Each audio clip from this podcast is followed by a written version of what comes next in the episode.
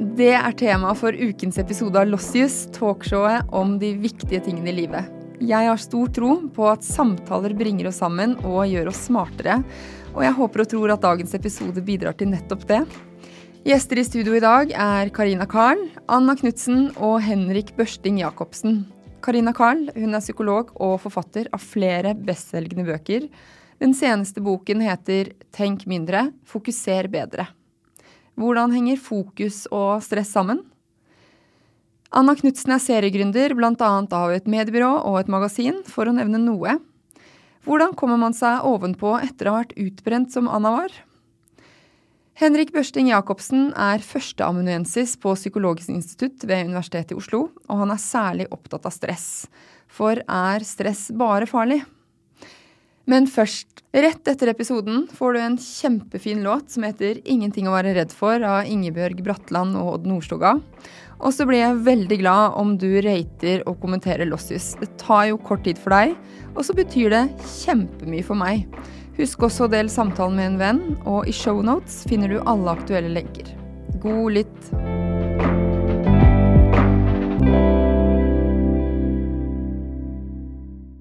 Anna, Karina og Henrik, velkommen.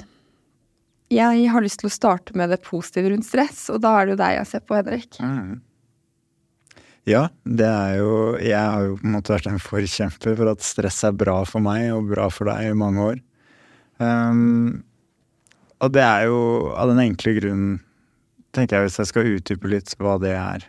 For meg, da, så tenker jeg at det er fordi at stress i bunn og grunn har vært med på øh, å videreføre oss som art. Altså det gjør, gjør at vi har lettere for å overleve i, i, trengte situasjoner. Det gjør at vi skjerper oss. Det er jo egentlig en, en, superkraft, som jeg har sagt mange ganger også, at det er en fantastisk egenskap vi har som kan endre tidsforståelsen vår, endre blodflyten i kroppen, endre energiflyten i kroppen. Gjøre at fokuset vårt blir snevra inn, at vi husker ekstremt godt spesifikke ting i situasjoner og så videre og så videre. ikke sant? Så det, det er litt den der at stress har blitt en sånn bad guy i kulturen vår, er jeg, er jeg veldig lei meg for. fordi at det, det, er også med på å bli en selvoppfyllende profeti. Det at folk tenker at stress er farlig, ja, da er du med på å nettopp hindre stressresponsen å fungere sånn som den skal, med å gå av og på og hjelpe deg i farlige situasjoner. Og dermed så lager du egentlig stress om til en bad guy, fordi at du går og tenker og bekymrer deg og kverner på så mye hvordan du skal få mindre av det, og så er det med på å øke det. da. Klassisk tankevirus. Ja, jeg kjenner meg igjen i det. Ja. Men Anna, du stressa litt for mye? Ja. Eller eh, jeg ble nok utbrent rundt høsten 2020. Ja. Eh, hvis det er en diagnose, holdt jeg på å si, men det kan vi komme tilbake til. Men eh, ja, da var det litt for mye på en gang, rett og slett. Mm. Eh, som man kanskje, kanskje, ja, kanskje jeg ikke følte at jeg hadde fullstendig kontroll over, da. Mm. Vi skal gå litt inn på historien din etterpå, men. Eh, kjenner du deg igjen at du liksom stresset over det å være stressa? Jeg tror nok det handla mest om det at det var så mange ting jeg ikke fikk gjort noe med. Så det er jo på en måte stress, men uten at man føler på den der høye skuldre alt, da. Um, fordi det var på litt sånn ukontroll ja, på flere arenaer. Mm. Um, og ting jeg ikke kunne gjøre noe med, selv om man kanskje gjerne vil gjøre noe med det. Ja. ja. Så det var um, på en måte da Jeg husker at jeg sto en gang, fikk en telefon, uh, og så reagerte jeg på en måte som jeg ikke ellers ville ha reagert på, som gjorde at jeg bare ok, nå må jeg gå til legen, for det her var ikke helt normalt. Um, og da fikk jeg sykemelding, da. Men uh, ja. Karina, eh, stress handler mye om hvordan vi forvalter oppmerksomheten vår òg, ikke sant? Ja. ja. Da stiller jeg meg bak eh, det første i første respons. Ja, for jeg så du nikket veldig. Ja, mm. eh, og det er også det jeg formidler. Vi skal ikke bekymre oss over stress, det er først og fremst energi, det er kapasitet, det er beredskap. Det er derfor vi er her. Det er ren overlevelse. Eh, men den måten vi bruker stressbegrepet i vår tid, er gjerne eh, en form for negativt stress, og som også varer over tid, og som kanskje har eh, andre kilder eller som blir vedvarende. Sånn at vi får ikke Det blir utfordrende for oss nettopp å, å justere og få de naturlige pausene. Eh, ja, det er relatert til oppmerksomhet. Eh, det handler mye om betydningen vi tillegger det som skjer oss, det vi møter, eh, og hvor fokuset vårt er. Det høres liksom så enkelt ut når du snakker om det. Det er det ikke. Men i kraft av å bli bevisst om det, så, så kan vi også identifisere noen frihetsgrader. Kan du guide oss Du sa jo litt hva som skjedde i kroppen når vi er stressa. Men, Mm. Så det er fint å være det litt. Det snakkes mye om, men ikke over lengre tid.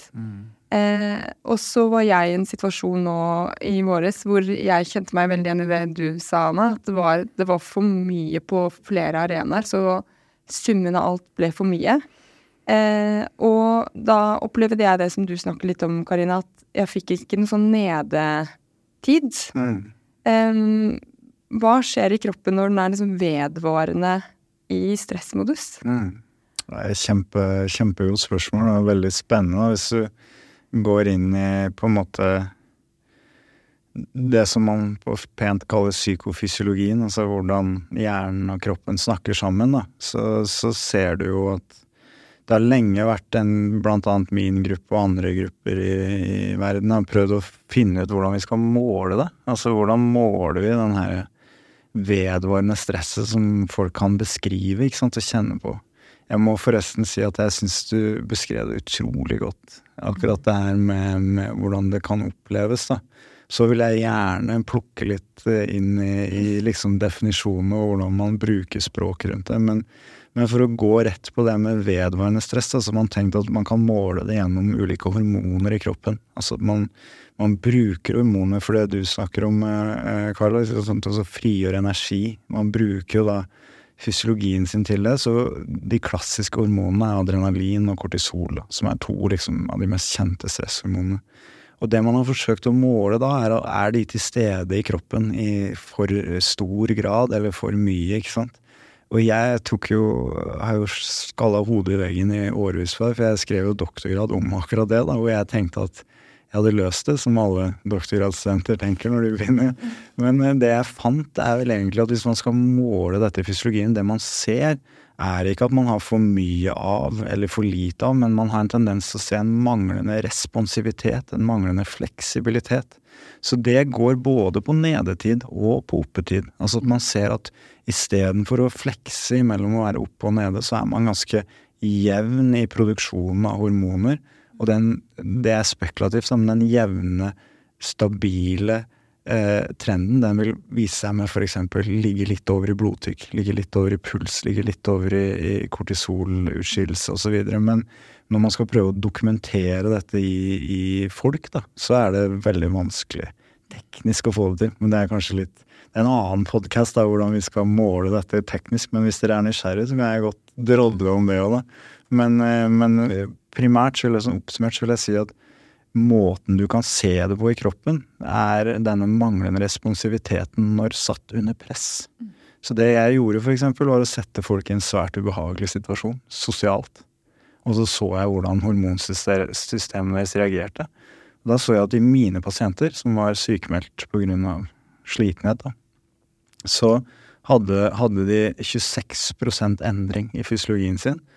Og de friske kontrollene i samme situasjon hadde over 500% endring.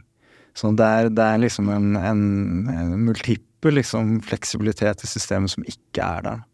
Og den artikkelen fikk jeg litt oppmerksomhet for, for det, det er ganske spennende. Og det er folk som er sykmeldt, nordmenn som er langtidssykmeldt pga. stress.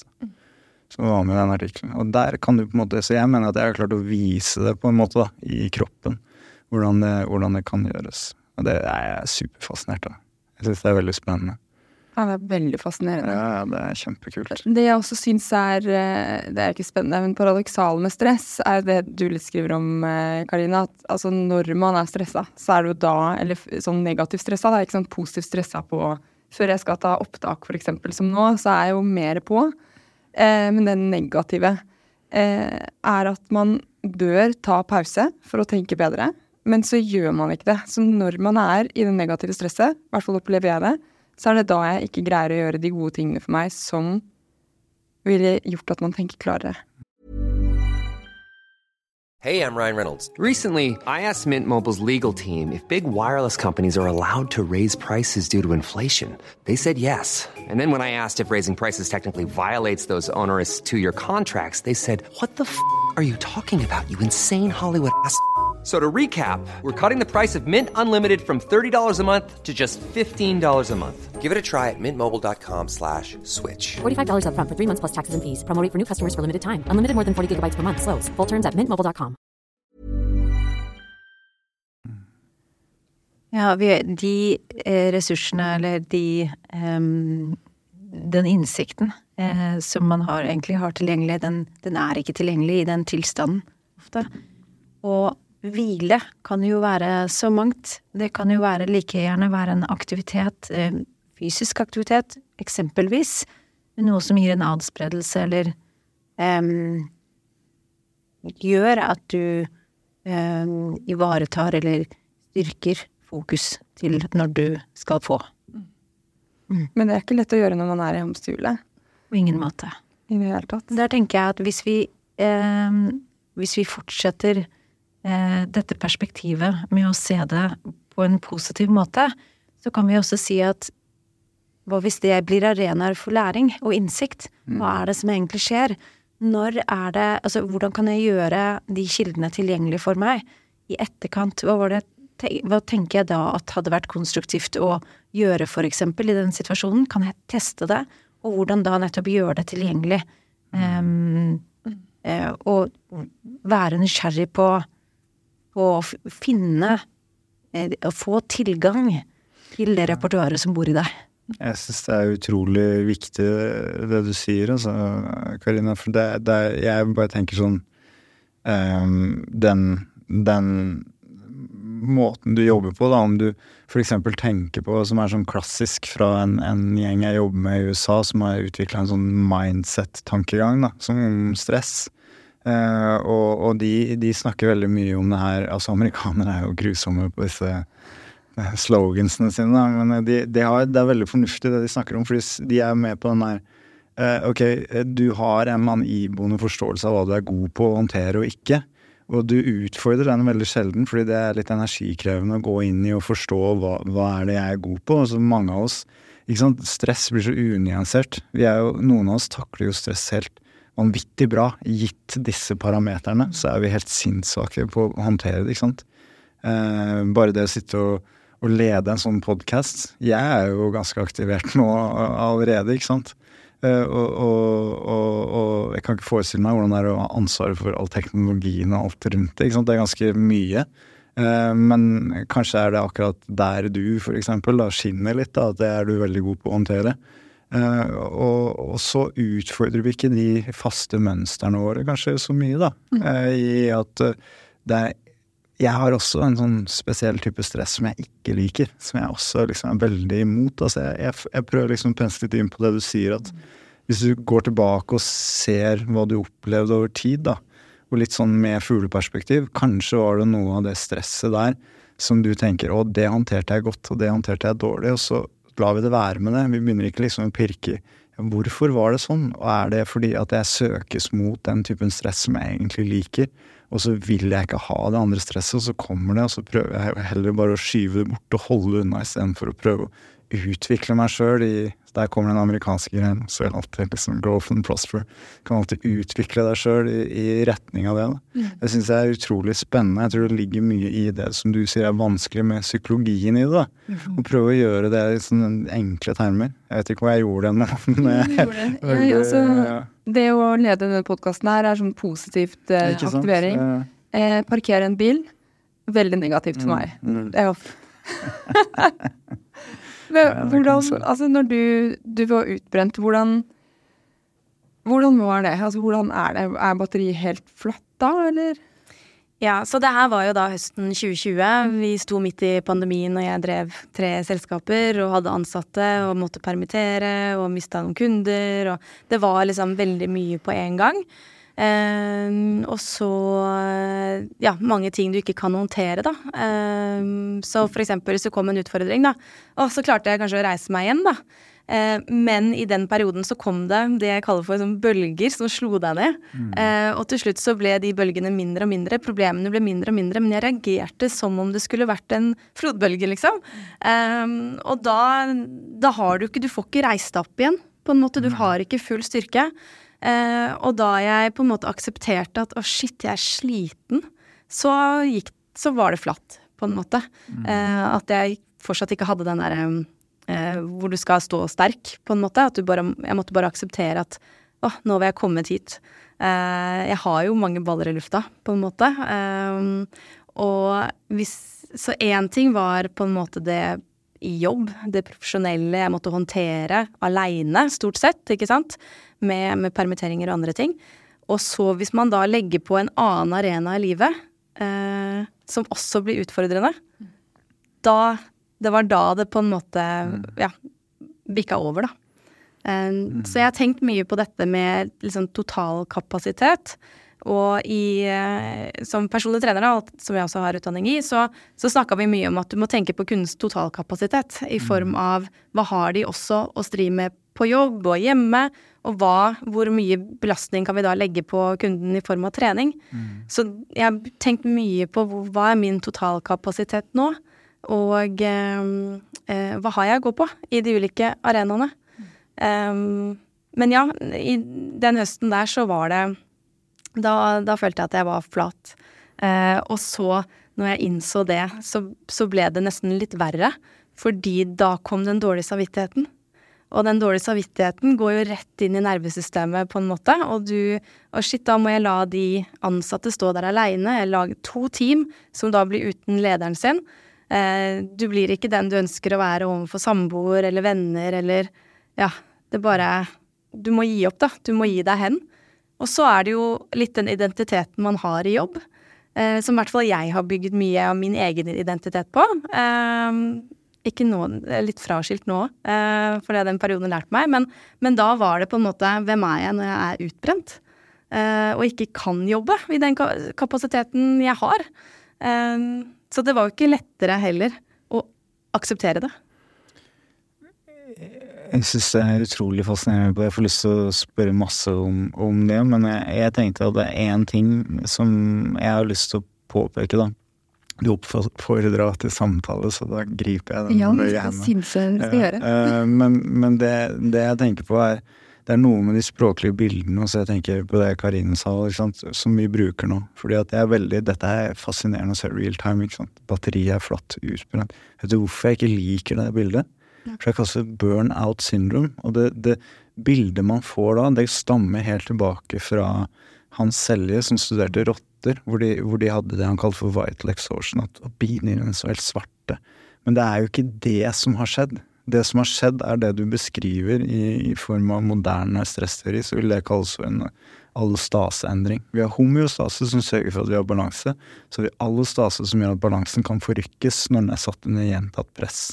Og det du beskriver, er det som kalles for repeated hits. At du får veldig mange stressopplevelser etter hverandre med kanskje liten grad av kontroll. Da vil allostasen, så homeostasen din, flytte seg, og du vil bli aktivert høyere i en lengre tidsperiode. Det er veldig interessant. Men så sier vi at batteriet er flatt igjen. Det er ikke det som har skjedd. Det som har skjedd, er at kroppen har forsøkt å hjelpe deg hele veien til å møte disse nye tingene. Det er akkurat som det er i ørkenen, så skrur vi ned eh, er ikke relevant for oss nordmenn, da, men da skrur vi ned vannforbruket. I en sånn allostatisk prosess. I kroppen? Ja. Oh, ja. Fordi at den vil beskytte oss mot Kult. økt temperatur. ikke sant? Det, er, det, her er, det her er kroppen er magisk på å følge deg i disse tingene, så den prøvde. Og så er det jo det at systemene våre er ikke evaluert for de utfordringene som vi står i. Og du som, som trener, tenker jeg, har jo en, det som er kanskje den mest populære mestringsformen, nemlig trening, som også noe du skulle kunne være god på å bruke. ikke sant? Og da, da kan man f.eks. kaste på trening, og så får man det du beskriver, en økning i totalbelastning istedenfor en relaxation som man vil ha, og så blir det en ja, ond sirkel. Men eh, utrolig spennende å høre på, og takk for at du deler. Mm. Jeg tenker at eh, man, når man står i en sånn situasjon, da, så får man så mye skam. Eller jeg følte på mye skam, da. Og det, det tenker jeg at det er viktig å være litt åpen om, for det, det er ikke noe gøy å stå i det. Og akkurat da så følte jeg heller ikke at det var så veldig mange som snakka høyt om det. Um, men nå i etterkant av å ha stått i det, så ser jeg det på som en styrke å ha erfaring med det, og kan nå kjenne igjen grensene. Um, og jeg tar meg selv i veldig det å uh, f.eks. tenke at ja, men i, i mars så, så, er jeg ferdig med den, eh, den travle perioden, på en måte. Uh, og så kommer du til mars, og så er jeg bare men hvis jeg kommer til mai, så da er det ferdig. Uh, og så kommer du til mai, og så bare ja, men bare kom meg til august. og da begynner de der Da må du ta de, det signalet på alvor, for da kommer det ikke til å gi seg hvis ikke du gjør noen virkelige endringer. Så det å, som du sier, man klarer å stå i det en lang periode, Eh, men du må vite at den perioden også går over. Um, og ikke forlenge den hele tida, tenker jeg da. Kan vi gå inn litt på skam? Det syns jeg For jeg, når jeg også eh, møtte Veggen Light, sånn å si, eh, så skammet jeg meg også fryktelig og sammenlignet meg med eh, ja, mange andre som jeg liker å sammenligne meg med, som, som fiksa dette, mens jeg følte at jeg ikke fiksa det i det hele tatt. Mm. Eh, men når jeg hører din historie, så tenker jeg det er jo ingenting å skamme seg for. Fordi de, disse bølgene kom for tett, og som du sier, Henrik, kroppen gjorde det beste for å liksom keep up. Eh, så hva er det som gjør at man, man, skammer seg når man ikke mestrer noe som kanskje i utgangspunktet ikke er så eh, lett å mestre? Det er kanskje ditt spørsmål, Karina? Ja, skam er i hvert fall representert ved de aller fleste psykiske lidelser, og noe av det som skaper mest belastning og mest lidelse. Vi kan skille mellom smerte og lidelse, og i det øyeblikket, hvis vi, hvis vi for eksempel hadde eh, betegnet situasjonen din som eh, en konstruktiv resignasjon, det begrepet bruker jeg ofte i møte med mine klienter, fordi at det er en, det er en, det er en helt naturlig reaksjon på en unaturlig situasjon. Um, så, så, kan vi, så, kan vi, forstå situasjonen på en helt annen måte, og vi tar ansvaret av fra deg. Det er ikke noe du skulle håndtert bedre eller vært eh, sterk og svak eller eh, den terminologien der. Um, men Og hvis vi, hvis vi um, endrer perspektivet, apropos oppmerksomhet, og betydningen vi tillegger det, så kan vi se de mekanismene på en helt annen måte. Men skam er jo noe iboende i oss. Vi har det eh, alle. Det handler om hva vi er aller mest redd for at andre mennesker skal finne ut av om oss. Det skaper avstand. Og hvis vi ser på det i et evolusjonsperspektiv, så, så har det jo den funksjonen altså relatert til skyld. Um, hvor skyld er at jeg har gjort noe galt, men skam at jeg, det er noe feil med meg. Uh, grunnleggende, eller jeg fikser ikke. Um, og det har jo en eller annen mekanisme eller funksjon Eh, relatert til tilhørighet for å kunne justere seg inn, for å ha en plass, sikre en plass i gruppen. Men her kan vi jo også snakke om ulike former for skam, og, og i hvilken grad det har en funksjon. Nå snakker vi om skam når det blir en, en destruktiv og eh, på mange måter ødeleggende eh, følelse. Mm. Jeg syns det var veldig fint det du sa, at det egentlig bare er en helt naturlig eh, reaksjon mm. som vi ilegger skam, på en måte, fordi ingen, eller få, er åpne om at det kan være en naturlig reaksjon, på en måte. Og det var veldig sånn Ja, det likte jeg veldig godt, for det er jo ting man kjenner seg igjen i også, i kanskje selv om du ikke er i en stressa situasjon, eller andre Ja, hvis du blir nervøs før du skal på en scene, så er det jo bare en positiv eh, På en måte du bryr deg, da. Mm. Ikke sant? Men ja, en naturlig reaksjon, en aksept for at sånn jeg tenker at alt derfor handler om måten vi ser det og forstår det på. Ja. Eh, og hvilken betydning vi tillegger det. Ja, Det er derfor jeg ville åpne også med å snakke litt positivt om stress. Fordi mm. det er ofte um, at vi snakker det om meg inkludert. også, for jeg blir jo metastressa. Jeg blir stressa over at jeg er stressa. Mm. som du snakket om. Mm. Men Karina, i den nyeste boken din så skriver du det er påfallende sjeldent jeg blir klokere av å tenke mer. Mm. Den likte jeg veldig godt. Mm. Kan du utdype? Og da henviser jeg til når vi fortaper oss i tankene og prøver å finne løsninger. Stille spørsmål til den samme som vi forventer svaret fra. Når tanker går i ring, eller hvor vi eh, fortaper oss i, i fortid, eller bekymrer oss for fremtid, som jeg primært skriver om i, i Tenk mindre, fokuser bedre. Det er jo et forsøk i beste intensjon på å løse et problem, men uh, det er sjelden der det problemet løses. Mm. Hva, du snakker om oppmerksomhetskapital også, altså ikke Mm. bare tidsstyring, som man snakker mye om nå, men oppmerksomhetsstyring. Jeg syns det er så fint skille. Mm. Det er eh, lite hjelpsomt eh, å være god til å styre tid hvis fokuset ditt er et helt annet sted. Og i tilgjengelighetens tid så tenker jeg at eh, oppmerksomheten er vår viktigste kapital. Det er en begrenset ressurs. Kvaliteten av alt vi foretar oss og gjør, men kanskje enda viktigere, opplever, erfarer, eh, livskvalitet, hvis vi kan bruke det ordet, er avhengig av vår fulle oppmerksomhet. Vi er bevisst over veldig mye. Vi vet eksempelvis at vi bør være fysisk aktive. Eh, vi får vite hva vi burde og ikke burde spise. Eh, alle disse retningslinjene. Men oppmerksomheten vår, hva vi tar inn, det er, det en like sentral del som vi ikke snakker så mye om, eh, og som vi ei heller er så bevisste om. Vi eksponeres jo kontinuerlig av stimuli fra alle mulige kanaler, gjerne samtidig. Og det er jo også noe som trigger stressresponsen vår, og som eh, ofte er relatert også til dopamin, som gjør at vi vil ha mer, eksempel sjekkeatferd, sjekke eh, sosiale medier eller e-post, eller eh, som gjør at vi ikke får det naturlige dykket som vi var inne på tidligere. Så alt dette henger sammen, og det kommer tilbake til nervesystemet.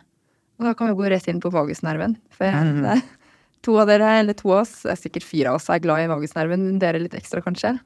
Serverte jeg den?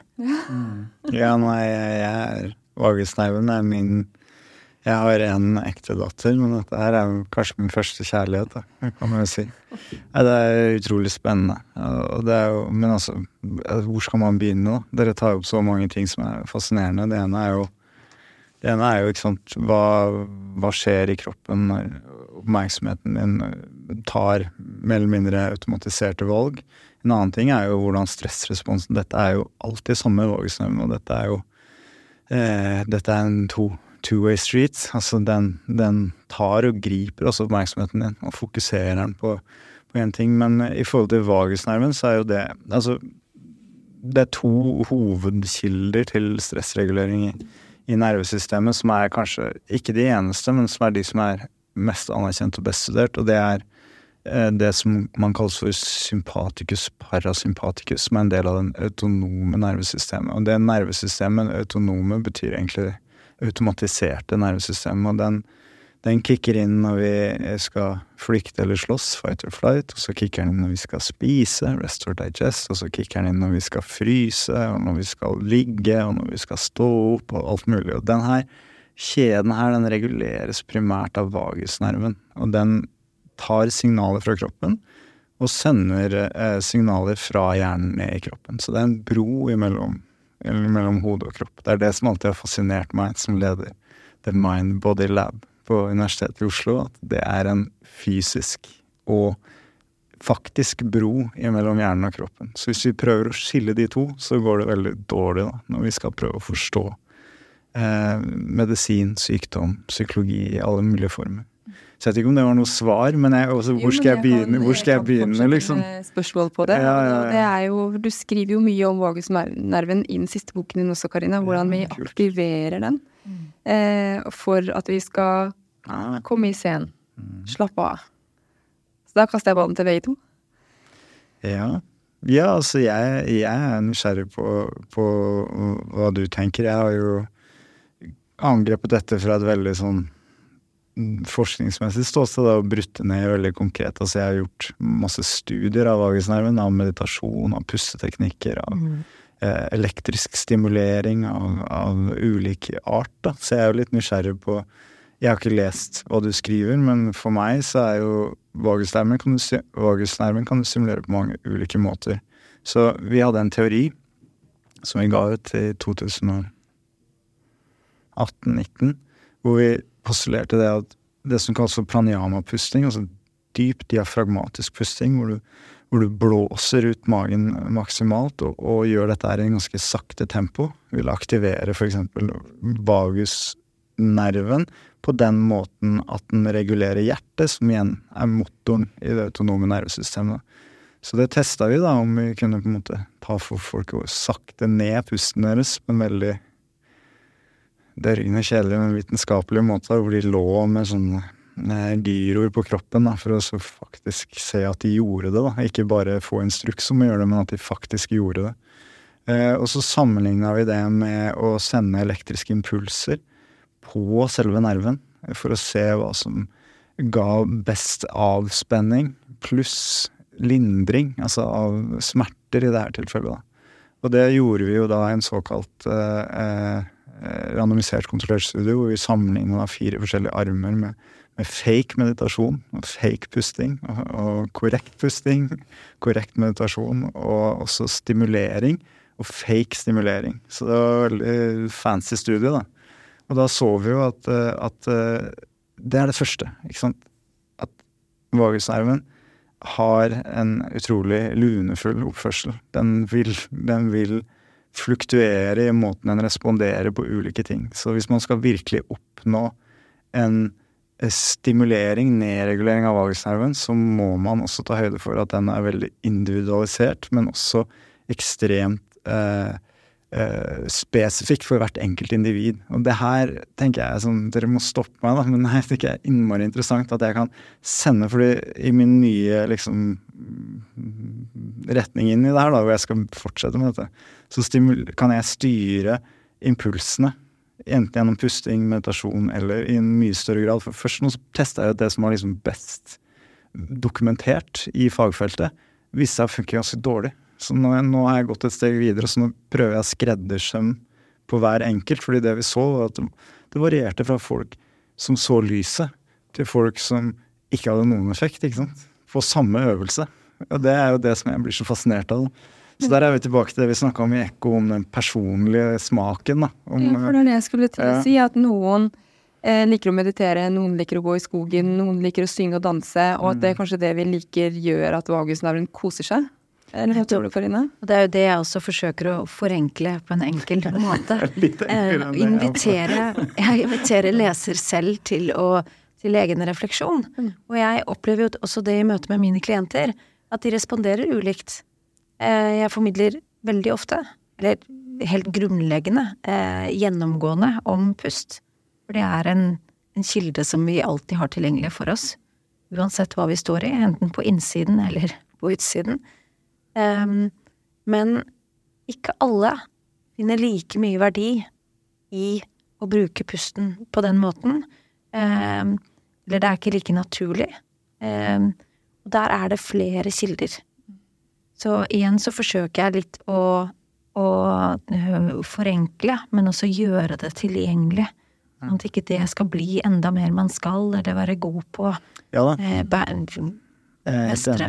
Så vil jeg bare si at vi, jeg finner faktisk at, at, i noen av mine studier at, at en sånn direkte stimulering, som jeg snakker om med elektriske impulser, kan være en mye raskere og mer effektiv vei. Da. Det en indikasjon på en en, pusting, fordi at jeg tenker at pusting Det er litt sånn Hva er det jeg sier? For jeg driver jo med pusteteknikker sjøl, daglig. Um, en rekke pustinger. Jeg lærer bort til alle mine klienter også pusteteknikker. Allikevel så har jeg en sånn det har gått en skikkelig, eh, kan jeg si det, en skikkelig jævel i meg. En skikkelig, at jeg skal klare å utvikle noe som er tilgjengelig, som er enkelt også for de som fordi at pusting tenker jeg også er en skill da, som du må lære deg, som du må faktisk ha Eh, eh, motivasjon til å holde på med litt over tid for å høste effekten av, av en f.eks. type Wim Hof-pusting, eller en type pranayama-pusting som jeg snakker om, eller en type den som jeg viste på Ekko, som er en sånn fysiologisk sukkmodell. Mm. Så du, du, du, kan liksom Du må holde på med det litt over tid for å få payoffen, mens den her elektriske stimuleringen er en veldig enkel måte å å kommersialisere og tilgjengeliggjøre noe veldig enkelt. Da. Så jeg brenner veldig for å få til en sånn løsning. Ikke fordi at det er den eneste løsningen, men fordi at det kan være sånn til hjelp for mange. Da. Så ja, ja. jeg syns vagusnerven er fascinerende, og så er det viktig å huske på at det er, det er bare det ene systemet som du påvirker. Altså, de snakker selvfølgelig sammen, så du påvirker begge to, men man kan også påvirke kortisolsystemet ganske aktivt med f.eks. meditasjon er ekstremt virkningsfullt i å påvirke det igjen. Så pusting kan hjelpe mot den autonome veien. Mens meditasjon er kanskje det som jeg syns er mest effektivt for den, den metabolske veien da, som kortisol er. Det er veldig viktig, for altså Vi snakker inn i pust, det er ingen som får lagt Jeg brukte betegnelsen pust. Jeg brukte betegnelsen pust som fellesbetegnelse for, for pusteteknikker og meditasjon. Ja. Ja. Det gjorde jo vi i den studien òg. Altså, vi, vi kombinerte jo. Men jeg har spørsmål til deg, Anna. Eh, hvordan bygde du deg selv opp igjen? Altså, brukte du noen av de metodene de snakker om for å få for vagusnerven, eller hva, hva var din strategi? Ja og nei, på en måte. Eh, Jeg har nok holdt på med meditasjon en god stund også før dette skjedde, da. Eh, Ja, eller pust, eller ja, whatnot. Men eh, jeg ble litt veldig overraska over hvor stor del hodet har å si på det fysiske, eller hva fysisk skjer med kroppen. Sånn at eh, jeg kan også nå i etterkant legge merke til hvis jeg er i en stressa periode, så kjenner jeg det veldig tydelig i brystet. Og da er det sånn, ok, hva er det som sitter her nå? Hvilken bekymring er det som sitter i brystet akkurat nå? Og så hvis jeg da tar tak i det, så forsvinner det med en gang. Sånn at jeg har en veldig sånn Jeg har blitt veldig kjent med hvordan kroppen min funker i sammenheng med hodet. Eh, så det gir veldig mening det dere sier, og, eh, at det har så stor sammenheng også. At man Hvis du, jeg er klar over det, så kan jeg gjøre noe med det. Og for eksempel med noen teknikker, eller å ta tak i det som sitter der i brystet, da. Um, eller ok, nå har jeg høye skuldre, hva skal jeg gjøre nå? Eller hva Ja, helt konkret, hva er det som sitter i kroppen? Um, som egentlig sitter i hodet, men som får uttrykk i kroppen, da. Det er et viktig perspektiv. Ja, og jeg tenker følelser har vi ikke snakka om. Nei, og det kan vi gjerne gå inn på. Og det er en super stressregulerings... er, Eh, stressmestring på anabole steroider er jo å håndtere følelser. Å forstå, håndtere og ikke minst gi uttrykk for følelsene sine på en konstruktiv måte, tenker jeg da. Jeg vet ikke om dere vil være enig i det, men det er en kjempe det er undervurdert kontra Og så. Ja. Eh, og så tenker jeg at det er en av de tingene jeg har gjort også for å, å på en måte gi slipp på det, er å Jeg måtte gi meg selv tid. Og så måtte jeg akseptere at det er helt greit å på en måte være sliten. Stått i litt sånn unaturlige ting som, som eh, Ja, eh, aleine, på en måte. Og så bli enda flinkere til å sette grenser. Eh, og alles tilgjengelighet til meg, da. Eh, så at jeg måtte sette grenser for når jeg var tilgjengelig. Alle notifikasjoner på alt er av, og det er det fortsatt. Eh, sånn at det Ja, man blir mindre tilgjengelig for folk, og da blir det færre eksterne forventninger eller krav, da. Eller du har kanskje Jeg har litt, mer kontroll på når jeg tillater det inn. Du tar kontrollen tilbake, du tar regi. Yes. Eh, og det har vært veldig da viktig for å komme seg Komme meg ovenpå igjen, da. Det er jo oppmerksomhetsstyring. Ja. Beskriver der. Ja, og en klassisk stressteori som heter krav-kontroll-modell, hvor man kan regulere eh, forventninger i forhold til hva man føler man kan håndtere. Så det er veldig sånn elegant. Nå har du både beskrevet Bruce McEwans' Nalostase-teori og eh, Karasek og Theorell sin krav-kontroll-modell. Så da kan du google og kose deg med å lese om akademikerne som har prøvd å tallfeste det du beskriver, altså. Du er psykologisk prosjekt i praksis, på en måte. Ja. Ja. Ja, men også tenker jeg veldig god evne til selvrefleksjon. Når du klarer å poengtere det som er hovedfaktorene i de modellene, så er jo det, syns jeg det er utrolig kult, det. Jeg er litt rar da, sånn sett. Jeg hører det når jeg sier det. Men eh, jeg vil si en ting til, fordi det var det som forløste disse pasientene i min studie. Eh, I doktorgradsarbeidet mitt så var, det, så var det en ting som vi ikke har snakka om, som er knytta veldig tett inntil der.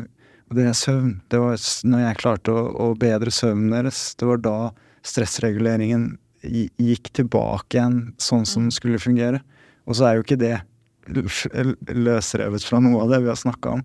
Men vi må ha med det. Også det tenker jeg er liksom det første, første sånn søvn, følelser Jeg kan være med på å kalle det oppmerksomhetsstyring, for det er absolutt det jeg gjør med folk som jeg møter og hjelper med stress. Så er det liksom følelser, søvn, oppmerksomhetsstyring.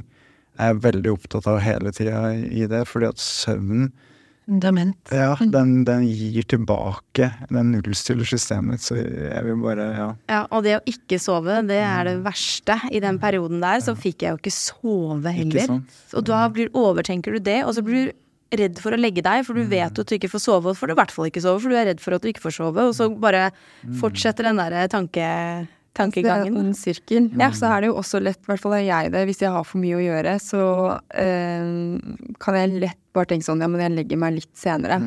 Og så tar man en time her eller time der, og så blir man jo ikke mer produktiv av det. Det er det som er eh, eh, For jeg hører jo at du har lært veldig mye av eh, den hendelsen. At du ble eh, ja, utbredt, eller hva det er.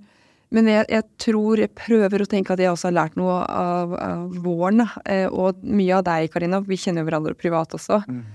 Eh, men det med hva man eh, slipper inn, og når, og det også å tørre å hvile. For det gjør jo at man er mye mer på når man er på, og det har jeg snakka om i alle år. Det er viktig å hvile fordi du må være av for å være på. Eh, og så liksom har jeg kjent først nå hvor viktig det er. Og det skriver du også mye om i boken, og det trenger jo ikke ligge flatt på sofaen for å hvile, men bare sørge for å sette av tid til det som er viktig. Og da er vi inne på det du sa med grenser. Mm. Og så er det så vanskelig òg.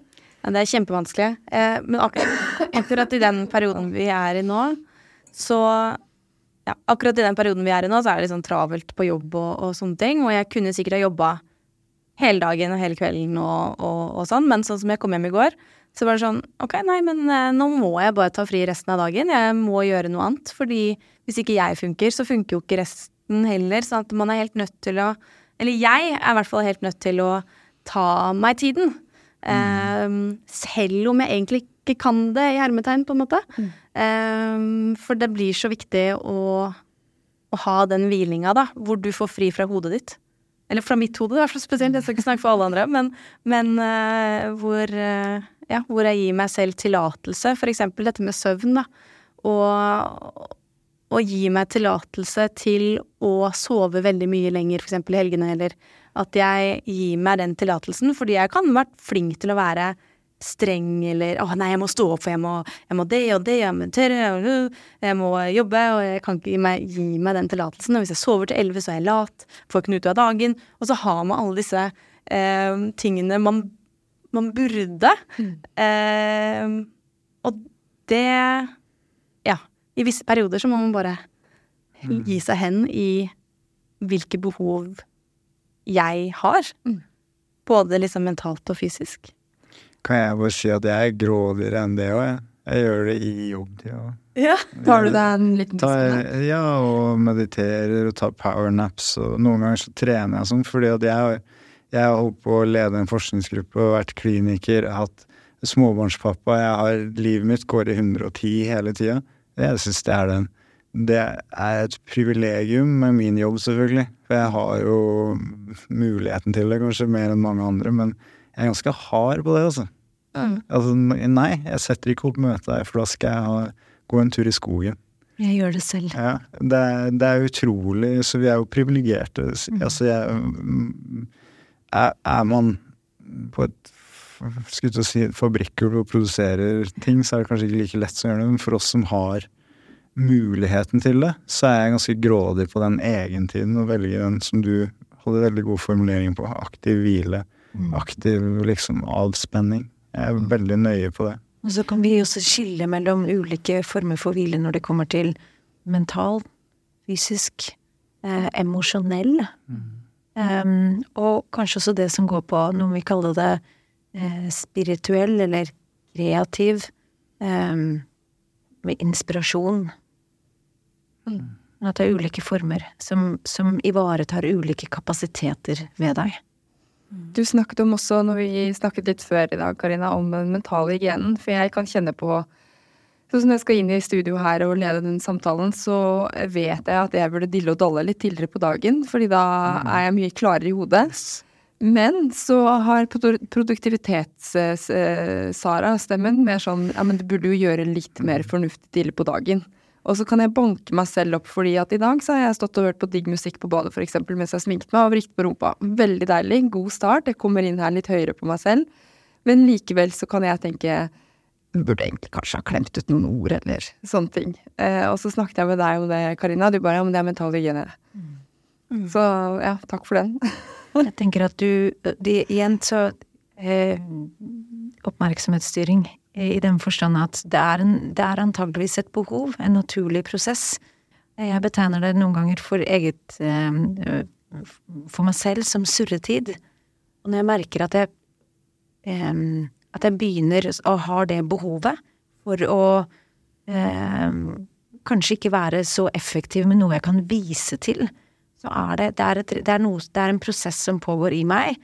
Eh, eller eh, altså en modningsprosess med noe jeg for eksempel i forkant av noe jeg skal, eller i etterkant som en form for eh, at ting, inn, inntrykk skal falle på plass, lagres, organiseres, eh, komme ned, eh, klarne igjen.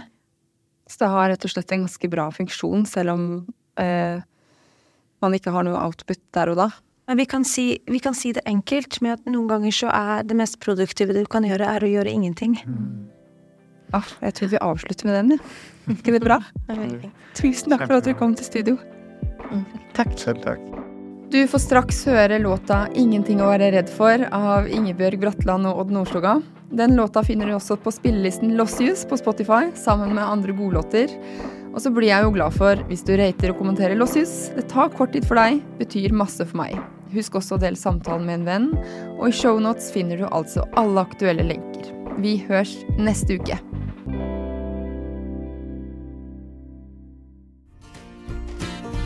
Kom, la oss leve litt, kom, la meg få se på smilet ditt. Så let jeg deg sjå smilet mitt, så går vi litt. Så later vi som ingenting. Jeg og du og ingenting, ingenting å være redd for. Jeg og du og ingenting, ingenting å være redd for.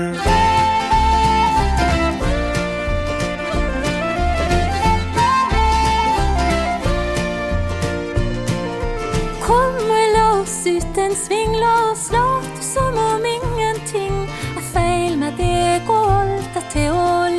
med meg.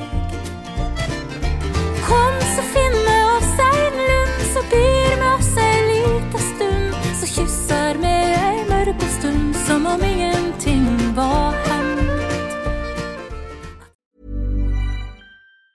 Planning for your next trip?